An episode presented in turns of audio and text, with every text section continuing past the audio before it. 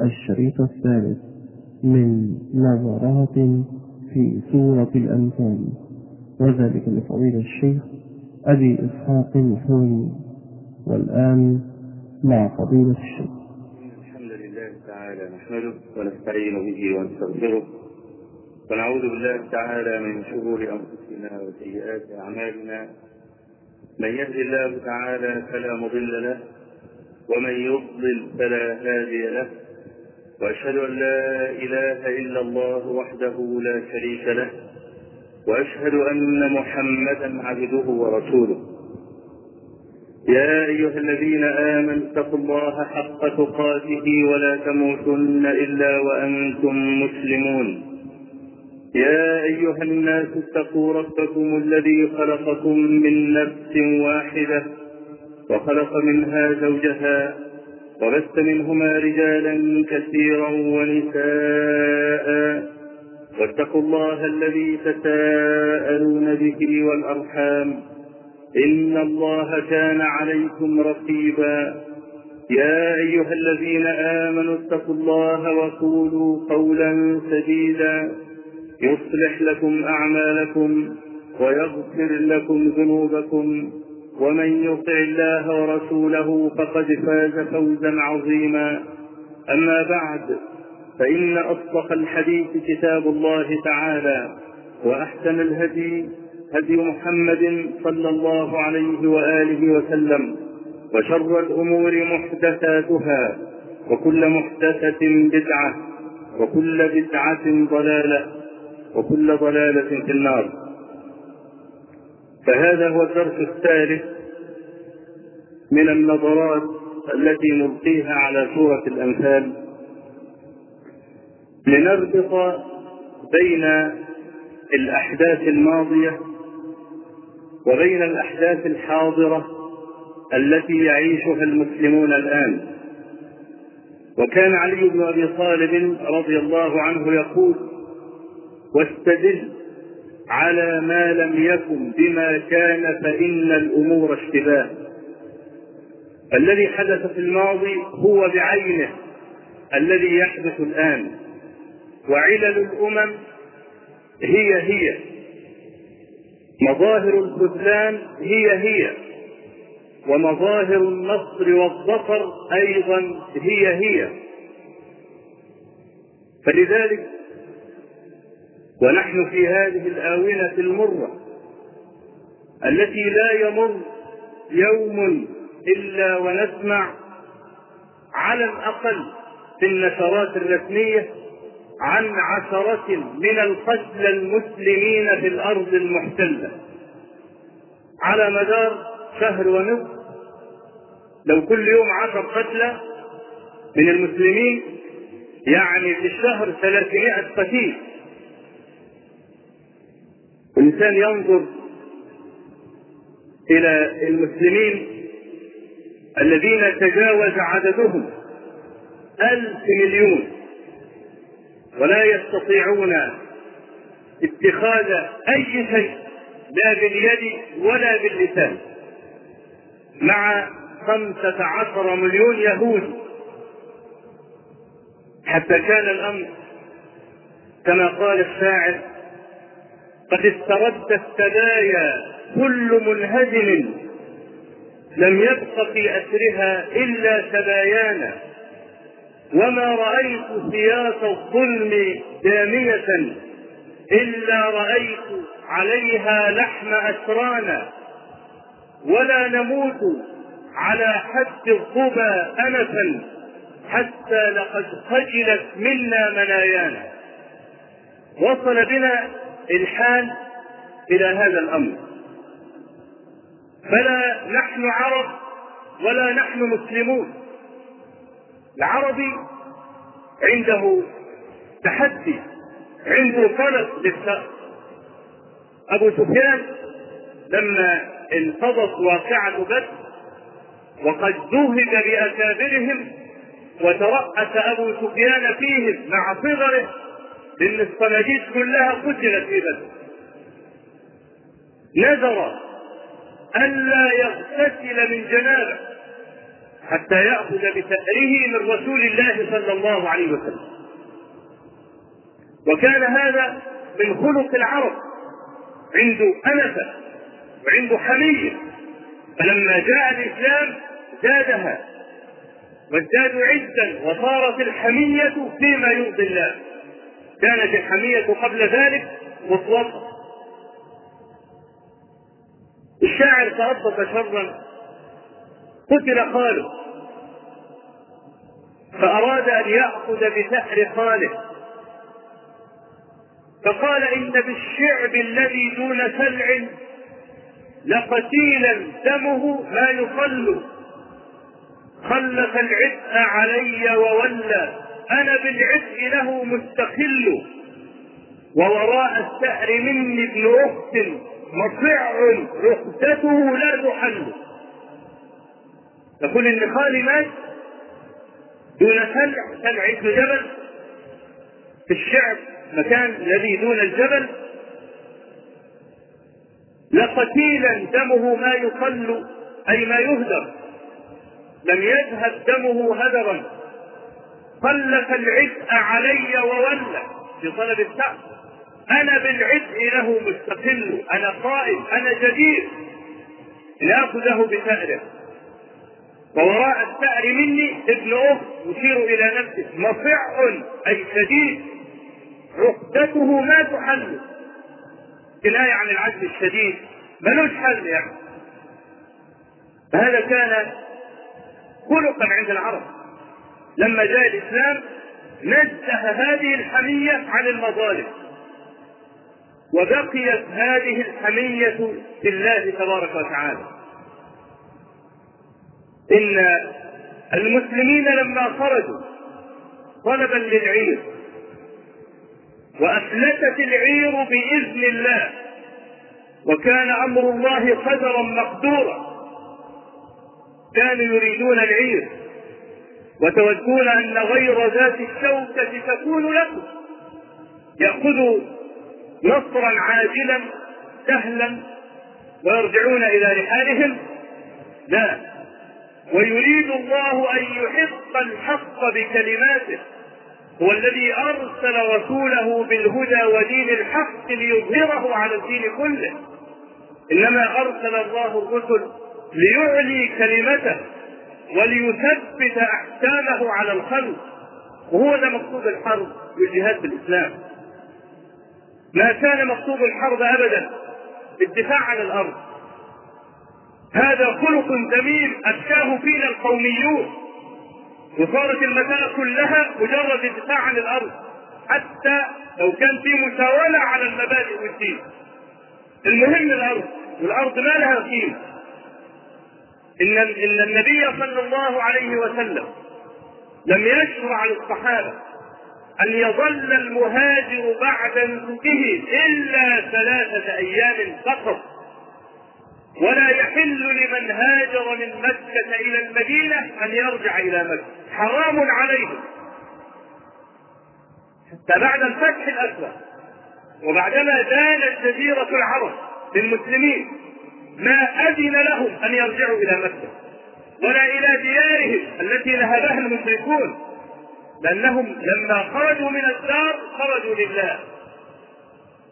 دار ما لها قيمة. ولذلك لما مرض سعد بن أبي وقاص في حجه الوداع مرضا شديدا أشفى فيه على الموت. خاف أن يموت بمكة. وقال للنبي صلى الله عليه وسلم أخلف بعد أصحابي. خايف يموت؟ كما مات سعد بن خولة الذي سماه رسول الله صلى الله عليه وسلم بائسا ومسكينا أنه مات في مكة. الأرض ما لها قيمة. إنما قصد من الجهاد قصد من الحرب في الإسلام إعلاء كلمة الله. قال صلى الله عليه وسلم أمرت أن أقاتل الناس حتى يقولوا لا إله إلا الله. فإن فعلوا ذلك فقد عصموا مني دماءهم وأموالهم. إحنا محتاجين أرض ولا ماء. إنما نريد إما أن تدخل في دين الله أو تخلي الطريق للدعوة. لكن تقف حجر عثرة وتحجب الهدى عن الناس يقاتل حتى آخر رمق أصل المسألة إعلاء كلمة الله ويريد الله أن يحق الحق بكلماته ولو كانت بسلاسل الحق المسلمون لما خرجوا إلى بدر وهذا ملخص ضروري لربط الكلام بعضه ببعض. لما خرج المسلمون بقصد إحراز العيد وافلست ووضعوا في موضع الحرب بلا اختيار منهم وبلا استعداد صار بعضهم يجادل النبي صلى الله عليه وسلم في جدوى الحرب. يجادلونك في الحق بعدما تبين بعدما تبين إن الطائفة التي وعدهم الله إياها هي النفير وليس العيد يجادلونك في الحق بعدما تبين كأنما يساقون إلى الموت وهم ينظرون. بدأ بقى الجدال في الكلام عن جدوى الحرب حاصل الآن إن كل الساسة تقريبا في بلاد العرب يستبعدون الحرب مع اليهود بل ويؤكدون في كل المؤتمرات الصحفية انه لا حرب على الاطلاق ولا نفكر وما مر ببالنا ان نحارب وعدوهم يستطيل عليهم وقد أعلن الحرب وقال إن عملية السلام ماتت بالسكته القلبية. فهو يقول ماذا وكل يوم يضرب ديار المسلمين بالصواريخ ويحصدها بالرشاشات ويدوسها بالدبابات. ونحن نقول لا حرب على الإطلاق. جعلنا الجبن حكمة. ألبسنا الجبن لباس الحكمة. والرويه وصار الكلام عن مسألة قطع العلاقات. لا لا نقطع العلاقات لأن لابد تكون في قنوات مفتوحة. أين قناة مفتوحة وصارت المسألة مقلوبة والمعاني كلها قلبت إن السلام حقيقة مكذوبة والعدل فلسفة اللهيب الخاضي لا عدل إلا إن تعادلت القوى وتصادم الإرهاب بالإرهاب. بديهية يعرفها كل إنسان. لكن راحة النخوة. لا يقيم بدار الذل يسكنها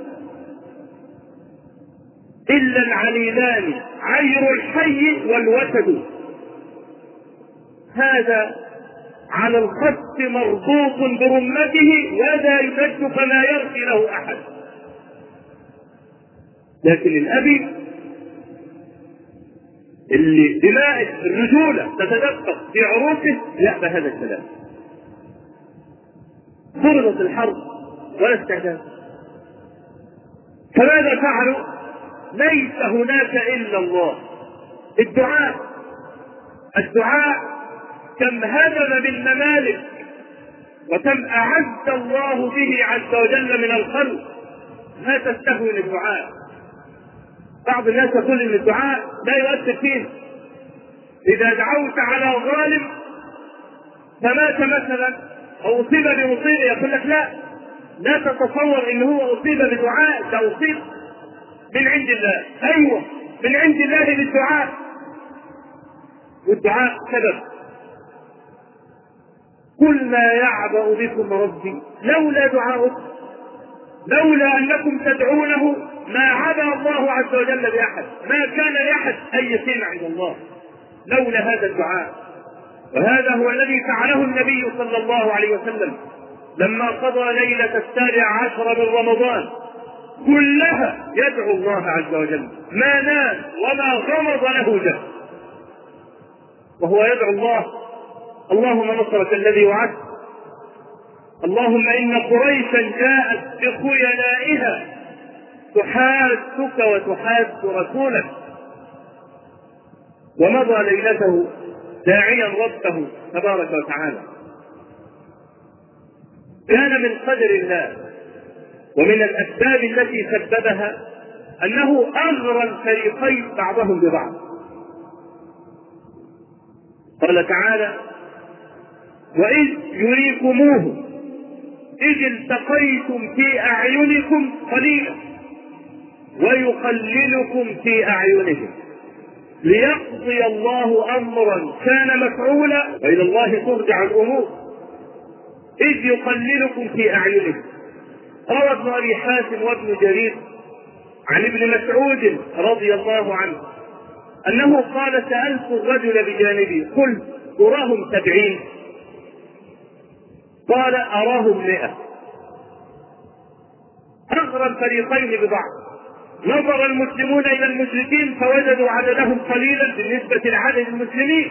المسلمين كما في صحيح مسلم كانوا 319 رجل فتخيل 319 رجل أمام 70 يبقى وقع في نفس المسلمين قلة عدد المشركين. فهجموا عليه بقصد الإجهاض عليه والإجهاز عليه.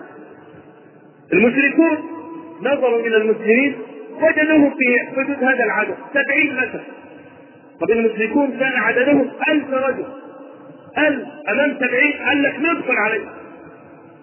فأغرى الفريقين بعضهم ببعض ليقضي الله أمرا كان مفعول. وإلى الله ترجع الأمور. وكانت البداية أنه أغرى الفريقين بعضهم ببعض. وقال للنبي صلى الله عليه وسلم إذ يريكهم الله في منامك قليلا. نزعتم في الأمر ولكن الله سل. إنه عليم بذات الصدور. أرى الأعداء للنبي عليه الصلاة والسلام قليلا. ولو رأى النبي صلى الله عليه وسلم عدد المشركين على الحقيقة وكانوا ألف رجل لفشلتم ولتنازعتم في الأمر ولكن الله سلم أنه اراكهم قليل أي قليل عددهم ولم يكن كثيرا. بدأت المسألة هكذا. اذا في حميه 619 أمام 70 يقاتلوا قتال الابطال وأن من المشركين يرون المسلمين في حدود سبعين أو مئة يقاتلون قتال الأبطال على أساس يخلصوا الجولة بسرعة. وهكذا. بدأت الحرب. إننا نريد أيها الإخوة أن نقف على مظاهر التأييد التي بها انتصر المسلمون ونقف أيضا على مواطن الخذلان التي مني بها المشركون. وكما قال علي بن أبي طالب وذكرته في مطلع الكلام واستدل على ما لم يكن بما كان فإن الأمور اشتباه. كانت مظاهر التأييد من قبل الله كثيرة. قال تعالى إذ يغشيكم النعاس أمانة منه. هذه أول مظهر من مظاهر التأييد. وينزل عليكم من السماء ماء ليطهركم به وليذهب عنكم رد الشيطان وليربط على قلوبكم ويثبت به الأقدام. هذه اول خمس مظاهر من مظاهر السفر والنصر. يغشيكم النعاس أمانة منه. والنوم في حال الخوف هبة من الله. فإن الخائف لا ينام. إن الخائف لا ينام. ولا يستطيع أن يعبد الله. ولذلك امتن الله عز وجل على قريش بنعمة الأمن. فقال في آخر سورة الفيل فجعلهم كعصف مأكول. لماذا؟ لإيلاف قريش لألفتهم وليأتلفوا. لإيلاف قريش إيلافهم رحلة الشتاء والصيف فليعبدوا رب هذا البيت الذي أطعمهم من جوع. وآمنهم من خوف. الجائع لا يعبد الله. وكان النبي صلى الله عليه وسلم يستعيذ من الجوع. ووصفه بأنه بئس الضجيع أي لا يستطيع المرء أن ينام وهو جائع وكذلك لا تهنى له الحياة وهو خائف. فإذا نام الإنسان في موطن الخوف فهي منة من الله. وسكينة أنزلها على قلب عبده. كما حدث لعائشة رضي الله عنها في حديث الإرث لما رجعوا من غزوة المريسيع وفقدت عائشة رضي الله عنها عقدها وكانت قليلة الخبرة ونزلت من الهودج الذي كانت تركب فيه. فلما ذهبت تقضي حاجتها تفرق الرجال الذين كانوا يحرسون الجمل حتى تقضي حاجتها. ثم جاءوا بعد مدة ظنوا أنها قضت حاجتها وركبت في الهودج ورفعوا الهودج جميعا وضعوه على الجمل ولم يستنكروا خفة الهودج لأن النساء كن إذ ذاك خفافا لا يأكلن إلا العلقة من الطعام. كانت بدينة ولا كان وجهها آه كبير إنما كانت خفيفة الوجه. فأربعة لما يشيلوا الهودج ما شعروا إن الهودج صالح قالت فجئت ديارهم فلم أرى منها داعية ولا مدير جميعا الرسول وهي حديثة السن ومعروف عن النساء الخوف حتى في حتى في الاماكن المأهولة للسكان فما بالك بفتاة صغيرة؟ لم يصل عمرها إلى السبعة عشر عام ولا الستة عشر عام. في صحراء مترامية الأسرار. وقد أرقى الليل سهولة ولا يوجد أي إنسان في هذه الصحراء. فكيف يكون حالها؟ نامت. ألقى الله عز وجل عليها النوم.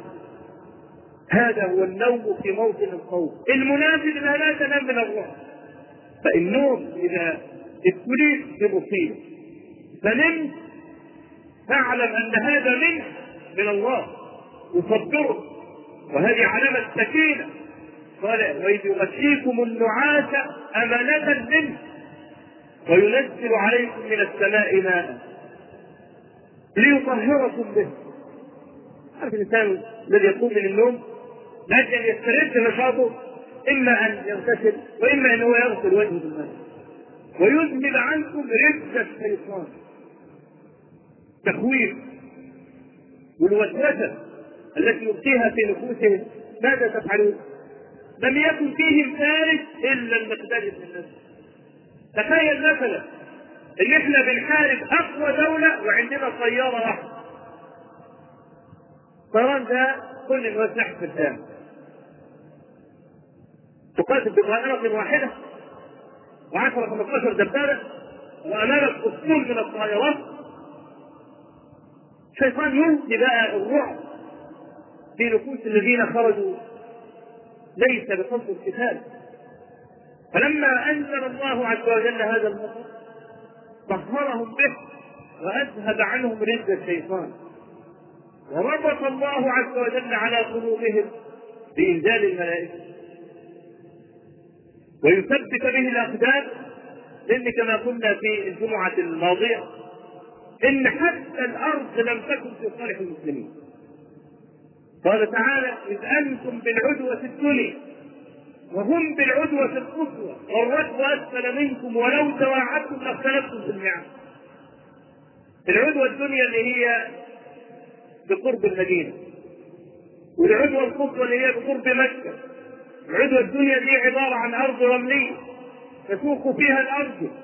أرض خضار. لا يستطيع الفارس أن يفر ولا يجري عليها.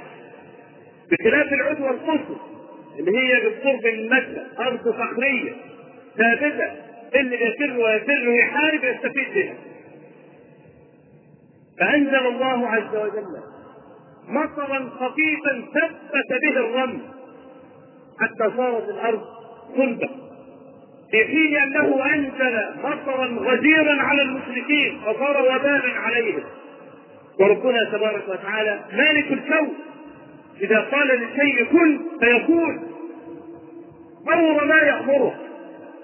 الأرض لم تكن في صالح المسلمين لكن رب الأرض يرعاهم. وهو الذي يكلأهم لذلك كان الظفر في بس محض تفضل من الله. تبارك وتعالى لأنه لم يكن هناك أسباب معينة على النصر على الإطلاق في يد المسلمين خمس مظاهر من مظاهر التثبيت إذا قال للشيء كن فيكون. فور ما يأمره.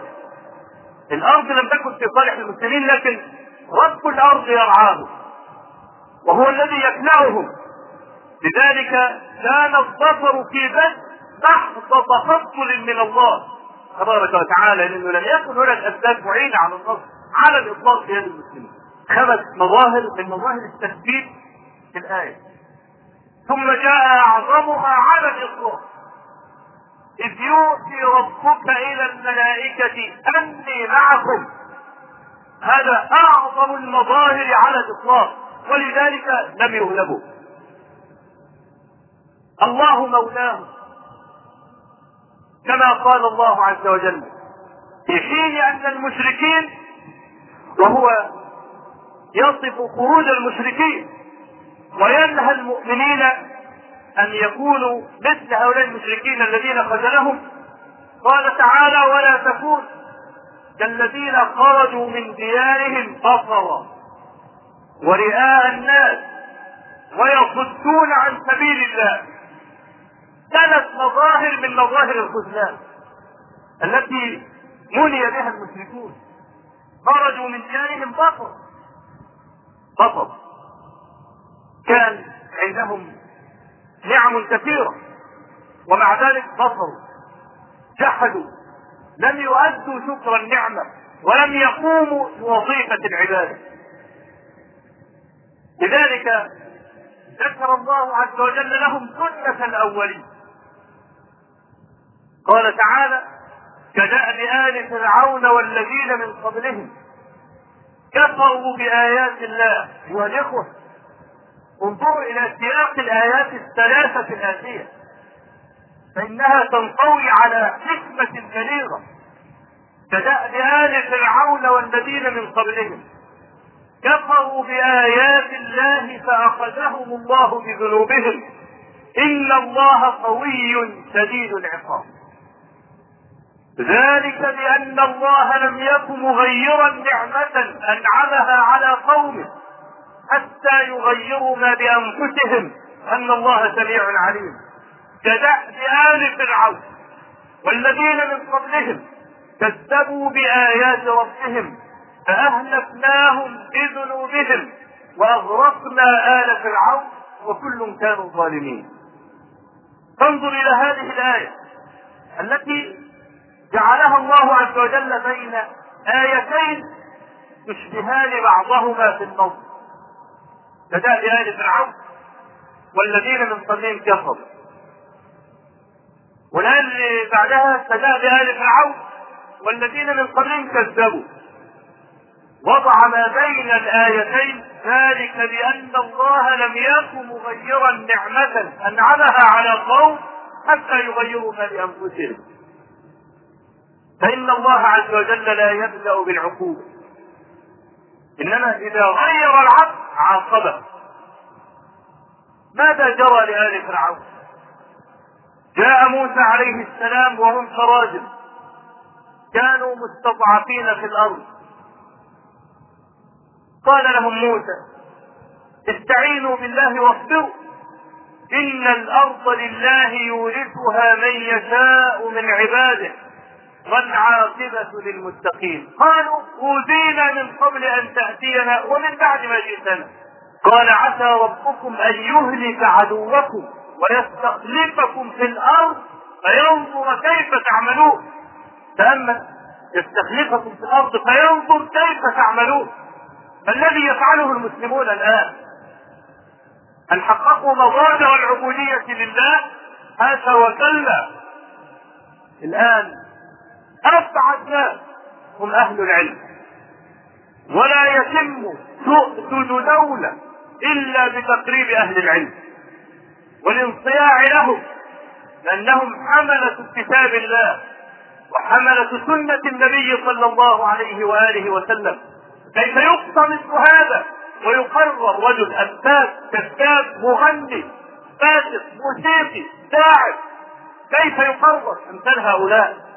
ثم ننتظر النصر من الله. احتفالات النصر عندنا رقص وطبل وزمر كل سنة مزيد احتفالات رقص وطبل وزمر وقد حرم الله عز وجل كل ذلك. ذلك لأن الله لم يكن مغيرا نعمة أنعمها على قوم حتى يغيروا بأنفسهم. رجل في جريدة على الصفحة الأولى. كاتب عشان بقى الوحدة الوطنية. يجيب لك كلمة بقى للمسيح عليه السلام وكلمة للنبي عليه الصلاة والسلام. كلمة المسيح اللي هم نسبوها له في الجريدة. من ضربك على خدك الأيمن فأجر له خدك الأيمن. وكلمة النبي عليه الصلاة والسلام انصر أخاك ظالما أو مظلوما. ده كلام أي إنسان يفهم إيه من كلام الرسول عليه الصلاة والسلام الذي وضعوه مذكورا انصر أخاك ظالما أو مظلوما. يبقى رسول لله صلى الله عليه وسلم بيدعو الناس أهل الظلم أنا وأخويا على الغريب ولو ابن عمي مش عارف على مين. ظلم يعني. ظالم انصره.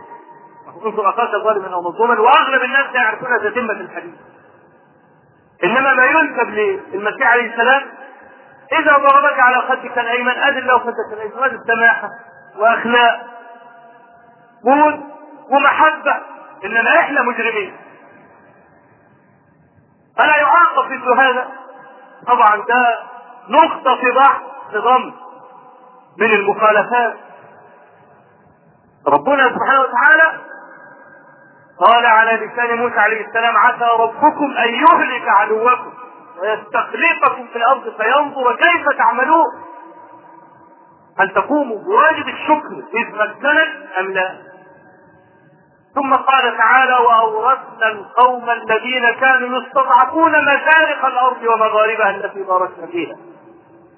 وتمت كلمة ربك الحسنى على بني إسرائيل بما صبروا ودمرنا ما كان يصنع فرعون وقومه وما كانوا يعرشون. إنما ده جانب المستضعفين. الغلابة. إنما جانب الطواعين. قال تعالى فأخرجناهم من جنات وعيون وكنوز ومقام كريم. كذلك وأورثناها بني إسرائيل. إنما ده جانب المستضعفين. الغلابة. إنما جانب الطواعين. قال تعالى فأخرجناهم من جنات وعيون وكنوز ومقام كريم كذلك وأورثناها بني إسرائيل. وقال تعالى كم تركوا من جنات وعيون وزروع ومقام كريم ونعمة كانوا فيها فاكهين كذلك وأورثناها قوما آخرين. فما بكت عليهم السماء والأرض وما كانوا منظرين. بداهي لا السماء تبكي عليهم ولا الأرض. رجل سائح عربي كتب مذكراته قال لما رحت إسبانيا ودخلت قصر الحمراء وقصر الحمراء ده كان مسجد المسلمين في قرطبة. اتحول لمتحف الرجل المترجم بيقول له كانت هنا أمة مسلمة. حكمت الدنيا طويلا ثم فرضها الله عز وجل لما مريت بالشهوات. ما تستحق أن تمثل كانوا يقومون وينامون على النساء والخمر. فطردهم الله عز وجل من هذه الأرض. وضرب عليهم الذل. وكانت محاكم التفتيش التي لم يسمع التاريخ بأفظع منها. محاكم التفتيش. كانوا الصليبيين يبنون للمسلمين غرف بقدر الجسم بحيث لا يستطيع أن يقعد.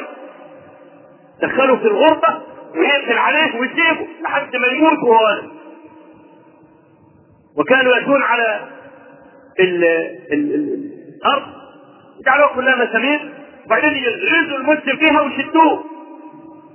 فلا يبقى في بدنه شيء متصل بشيء اخر حجم التفتيش التي حدثت في الأندلس من أفظع ما أنت قارئ في تاريخ الدنيا.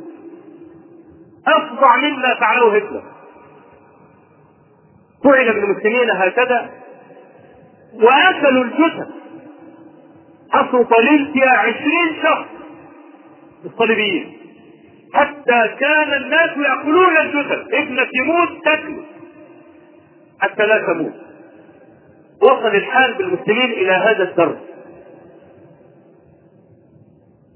ومع ذلك لم يستفيدوا قال الله عز وجل يا أيها الذين آمنوا لا تتخذوا بطانة من دونكم لا يألونكم خبالا كثير الآن يقول لك الرئيس الجديد لأمريكا هل هو بقى استوعب الدرس وهينصف العرب ولا هو هيمشي على نمط سلفه؟ سؤال غبي.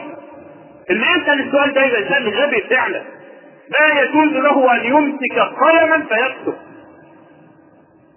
كل الدعايات الانتخابية ان إحنا نكون في إسرائيل. قصة واضحة زي الشمس. لا تلتمس نصرا من عدوك. عدوك لا يألوك خبالا.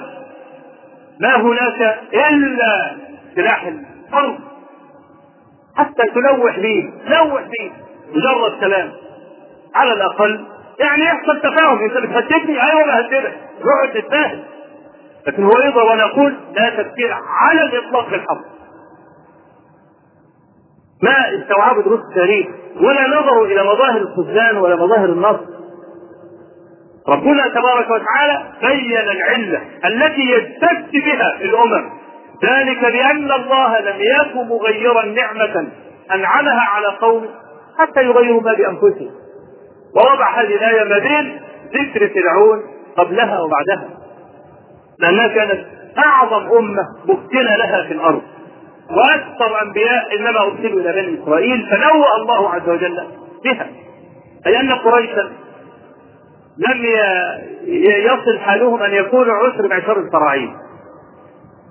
ومع ذلك خرجوا بصرا ورئاء الناس ويصدون عن سبيل الله. الشيطان لما خرجوا وسوس لهم بل وصرح لهم أنه جار له وبئس جار الشيطان.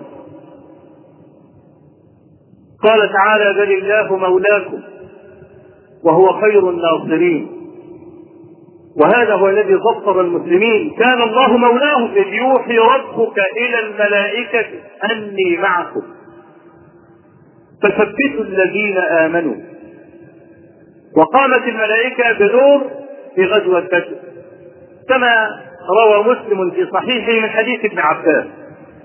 رضي الله عنه قال بينما رجل من المسلمين يطارد رجلا من المشركين.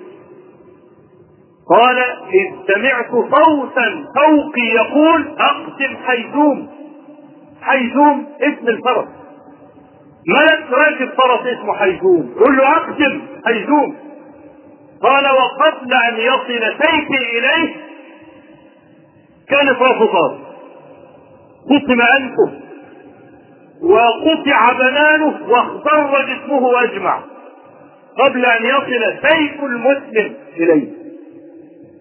فحكى ذلك للنبي صلى الله عليه وسلم. قال صدق. ذلك من مدد السماء الثالثة. ملائكة بتحارب. ورب العالمين تبارك وتعالى هو مالك الملوك يؤيدهم بالنصر من عنده. وهذا كان أعظم مظاهر النصر في غزوة بدر. يوحي ربك إلى الملائكة أني معكم.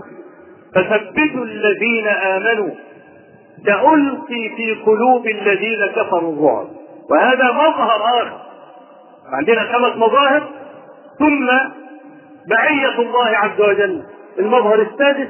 ثم إلقاء الرعب في قلوب الذين كفروا. سألقي في قلوب الذين كفروا الرعب بما أشركوا. فاضربوا فوق الأعناق واضربوا منهم كل بنان. ليه؟ ذلك بأنهم شاقوا الله ورسوله. ومن يشاقق الله ورسوله فإن الله شديد العقاب. أقول قولي هذا وأستغفر الله العظيم لي ولكم. الحمد لله رب العالمين. له الحمد الحسن والثناء الجميل. وأشهد أن لا إله إلا الله وحده لا شريك له.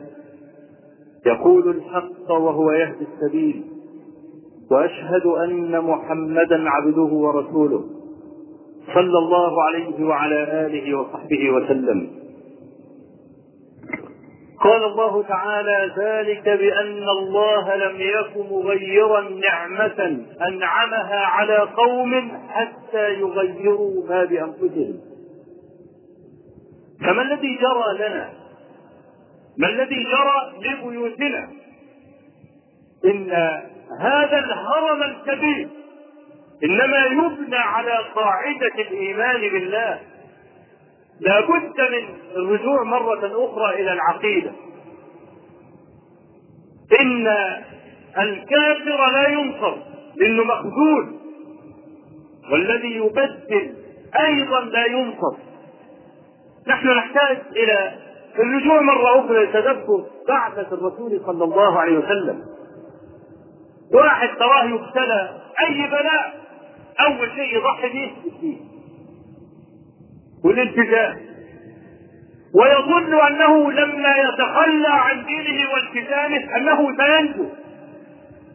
وهذا بضد النصوص جميعا وبضد هذا النص على وجه الخطوط رجل يوقف في كمين أول حاجة يعملها يحلى لحيه ليه؟ عشان ما يبقالوش ملف ما يجيش يصلي في المساجد. ليه؟ عشان ما يبقالوش ملف ويظن أنه ينجو. وما هو بناجم قال تعالى لقد خلقنا الإنسان في كبد ولو حتى نجا في الدنيا فبقي خوف الآخرة. فمن الذي يعصمه من الله؟ إن تخلى عن أوامره. كان النبي صلى الله عليه وسلم يستعيذ بالله أن يكله إلى نفسه طرفة عين. طرفة عين. ولا ما دونها عقيدة التي ينبغي أن نربي أولادنا عليها. العقيدة اللي بعض المستعجلين يقول ها لسه العقيدة هندرس عقيدة. وهذا كان الأساس الذي وضعه النبي صلى الله عليه وسلم في مكة. الرسول عمل إيه في مكة؟ مكة كانت كلها ابتلاءات وظل يدعو على أبي جهل خمسة عشر سنة. خمسة عشر عاما يدعو على أبي جهل ما أحلم الله. وهذا رسول الله صلى الله عليه وسلم. المؤيد من الله. إنت النهارده لما تدعو على ظالمك تدعي شهر شهرين ولسه ما ماتش. وأنا ما بوقتش دعاء. هو لسه لم يبتلى هو لم يمرض. شهرين ثلاثة مستعجل. عايز أول ما تدعو يخر طيب ادي النبي عليه الصلاة والسلام 15 سنة يدعو على أبي جهل وعلى أبي لهب. 13 سنة في مكة وبعد ما راح المدينة ادي كمان سنتين وحصل الغزو بدر 15 سنة يدعو المستجاب الدعاء. 15 سنة على ظالم. لأن الله عز وجل يمهله.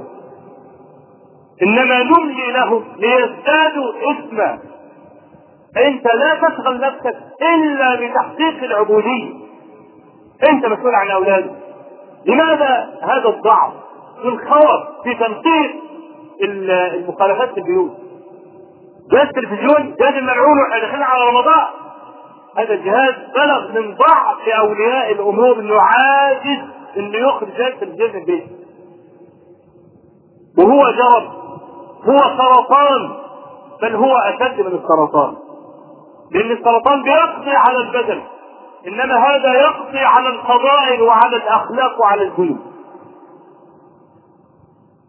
تنقية الذنوب من البيوت ضرورة. إننا لن ننتصر على عدونا إلا بهذه الخطوة الضرورية. ترتيب أوراق البيت مرة أخرى. ما هو المطلوب منا؟ لماذا خلقنا؟ ننظر إلى أسلافنا. ثم تركوا الأرض وتركوا المال وتركوا الديار والعيال. في غزوة بدر ذكر العلماء أن ابن أبي بكر كان يقاتل في صف المشركين.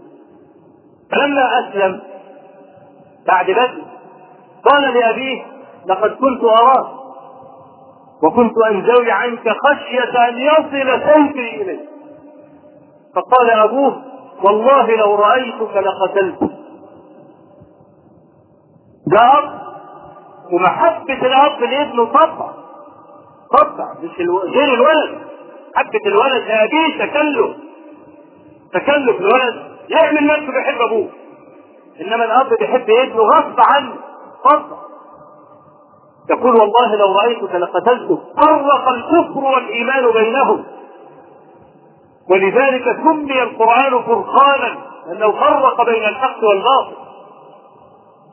فهؤلاء الذين ضحوا بكل هذا وكان مقصدهم أن ينصروا الله عز وجل وأن ينصروا رسوله صلى الله عليه وسلم الذي جاء بالهدى ودين الحق. كان من العدل العدل الله عز وجل أن ينصر هؤلاء حتى لو كانوا قلة. أيها الإخوة إن العرب جنس لا يصلح إلا بدين. الأجناس الأخرى ممكن تنتج مع الفساد والتحلل لكن العرب لا. تنظر للامم الكافره تجد هذه الأمم وصلت إلى قبة التقدم إلى سقف التقدم. وإحنا متخلفين حتى في القرى. القرى اللي بينفقوا عليها ملايين ومليانة. الشباب أحوج إلى هذه الملايين عشان يجد عشان يجد لقمة الخبز قرات اول أمس فقط. إن إحنا بندفع 6 مليار جنيه في مكالمات مكالمات تليفونية في السنة. 6 مليار. مكالمات تليفونية استهلاك المكالمات 6 مليار جنيه في السنة. تعتبر من العادم شيء معدوم. أرض واسعة وخير. إحنا عايشين على 4% فقط من مساحة الأرض 96% صحراء ومع ذلك مسلسل تحديد الناس لمين؟ مين اللي يملأ 96%؟ السنة كلها مسألة فساد إداري ممكن تنفق ملايين في أرض وفي الآخر يقول لك أصل دي مش أرض. دي أصلها أرض تبع الجهة الفلانية. طب والملايين التي أنفقتها أنت غلطان. طيب أنا مش لابس طيب شقة وبشتغل ده أنا بقالي 10 سنين بشتغل هو كده. أنت تفوت وتعمل لها صحراء يا أخي. خد مكان ثاني والنبي صلى الله عليه وسلم يقول من أحيا أرضا مواتا فهي له. كلام صريح وواضح. عشان نغري الناس. إنها تخضر الأرض. وإنها تخرج المخزون المالي عندها عشان تنفقه بدل ما تجلده ويوفر مئات الألوف الفرص في العمل للشباب. كل ده كل هذا من الخذلان ومن قلة التوفيق. السبب إيه؟ أننا غيرنا وأننا بدلنا ولم نأخذ من الدين إلا الشكل ضرا للرماد في العيون. عشان نقول إن إحنا مش مسلمين. يجي رمضان نحتفل برمضان والمصري يقرأ والهلال والرؤيه والكلام وفي نفس الوقت الفوازير شغالة. والمسلسلات شغالة. وأكثر شهر فيه فسوق وعصيان وفجور هو رمضان. فإحنا غيرنا ونحن بدلنا وهذا الضنك لن يرفع إلا إذا ارتفع مقتضاه. ذلك لأن الله لم يكن مغيرا نعمه أنعمها على قوم حتى يغيروا ما بانفسهم إذا لو تاني عبدا لله عز وجل يمكن الله تبارك وتعالى له في الأرض. أقول قولي هذا وأستغفر الله العظيم لي ولكم.